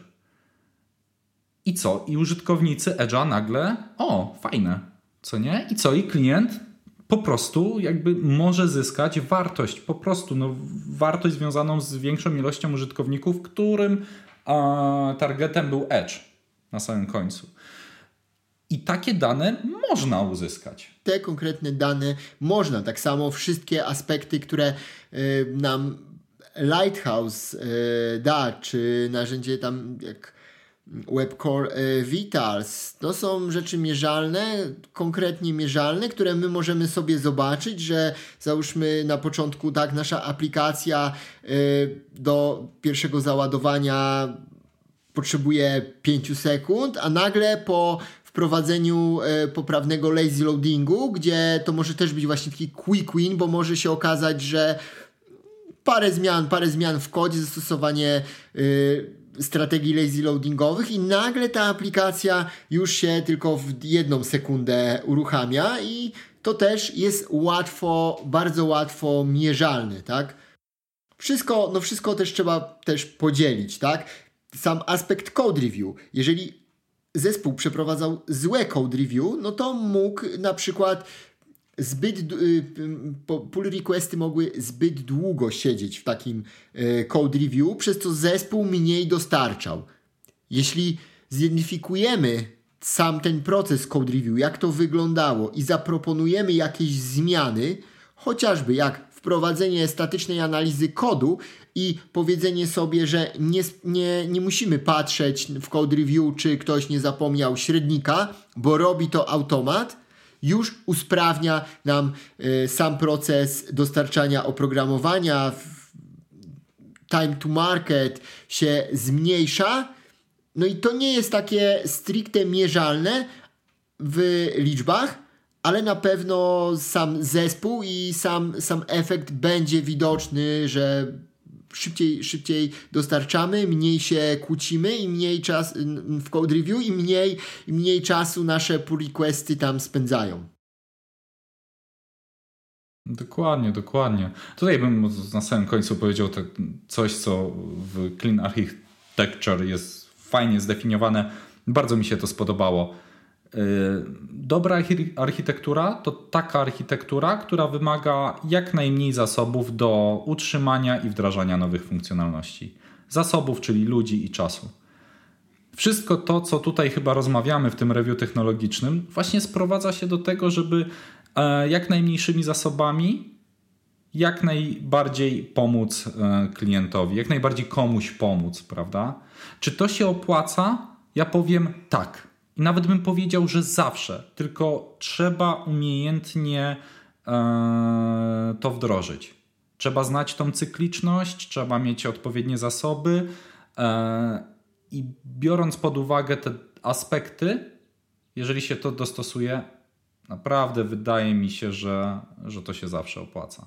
Tak, tak, to jest, to jest to wszystko, ale to też, to też jest taka e, jedna z kompetencji oso e, osoby, która przeprowadza, żeby mogła później jednoznacznie ustawić te priorytety, przez które w sumie mówimy zespołowi, tak? Że to wam się opłaci, bo to będzie, jeżeli to wprowadzicie yy, szybciej, a ma to, nie ma jakiegoś to dużego poziomu skomplikowania. Audyt zazwyczaj, czy to jest audyt technologiczny, czy, czy ogólnie audyt w innych branżach, robimy po to, żeby wnieść jakieś poprawki i sprawdzić, czy coś robimy dobrze. A raczej możemy się z tym zgodzić, że to, czy coś robimy dobrze, no jest zbieżne z tym, że będzie przynosić większą wartość, wpływać na lepszą sprzedaż, pokazywać lepszą jakość, która, która będzie znowu lepsza jakość, wpływa na to, że mamy mniejsze koszty naprawy. I koniec końców dążymy do tego, aby klient był bardziej zadowolony, bo oczywiście to powinno zawsze nam przyświecać, bo nie robimy też audytu technologicznego po to, żeby wprowadzić jakieś nowe fancy rzeczy, bo, że chcemy wprowadzić mikrofrontendy, to od razu je wprowadzamy, bo nie zawsze one są najlepsze. Dokładnie tak, bo jest nowy i, i można i akurat by pasował, ale nieważne, że trzeba będzie całą aplikację przerobić. Nie o to, nie o to w tym wszystkim chodzi oczywiście. Co możemy powiedzieć, tak żeby zostawić jeszcze, podsumować to wszystko? Myślę, ja bym chciał jedną rzecz taką y, w gwoli podsumowania tego wszystkiego, co by powiedzieliśmy. Jeszcze raz się odwołać do tego, że dobry audyt powinien być tak jak dobra informacja zwrotna. I my tak naprawdę nie musimy się zastanawiać, jakby to, jakby, jakby go ułożyć, bo możemy korzystać z niektórych standardów. I jednymi ze standardów będą te, taka lista, której już wspomniałeś której wymienimy wszelkie aspekty, które są ważne technologicznie dla nas, a, drugi będzie, a drugim aspektem jest stosowanie jakiegoś wzorca do samego udzielania tej informacji zwrotnej, do konstruowania audytu. I ja bym na przykład tutaj wymienił model informacji zwrotnych Spinka, który jest akronimem od słów sprecyzuj fakty, pozytywy i negatywy, określ konsekwencje i przedstaw alternatywy rozwiązania, które będą przynosić jakąś wartość. I wydaje mi się, że to jest taki cały klucz na to, żeby taki audyt mógł przynieść wartość. Dokładnie, dokładnie. A ja gorąco zachęcam do tego, żebyście rozważyli wdrożenie czegoś takiego w waszych firmach. Nawet nie w firmach, freelancer, poprosić kolegę. Kurde, na każdym szczeblu. Wydaje mi się, że warto coś takiego zrobić. Dajcie znać też, nie wiem jeszcze w jakiej formie to będzie możliwe, ale dajcie znać, jak to u Was wygląda, czy widzicie w tym wartość i czy takie rzeczy robicie. Bo może my z Marcinem mamy e, trochę mylne doświadczenie, że mało firm takie rzeczy robi i że tylko robi jak się pali. E, to będzie naprawdę bardzo ciekawa informacja dla nas. Dzięki wielkie, Marcin. Dzięki Szymon za dyskusję. Jeśli macie jakieś swoje sugestie bądź pytania w temacie audytu technologicznego, to zapraszamy do kontaktu z nami. Dziękujemy. Tak jest i słyszymy się za miesiąc. Na razie.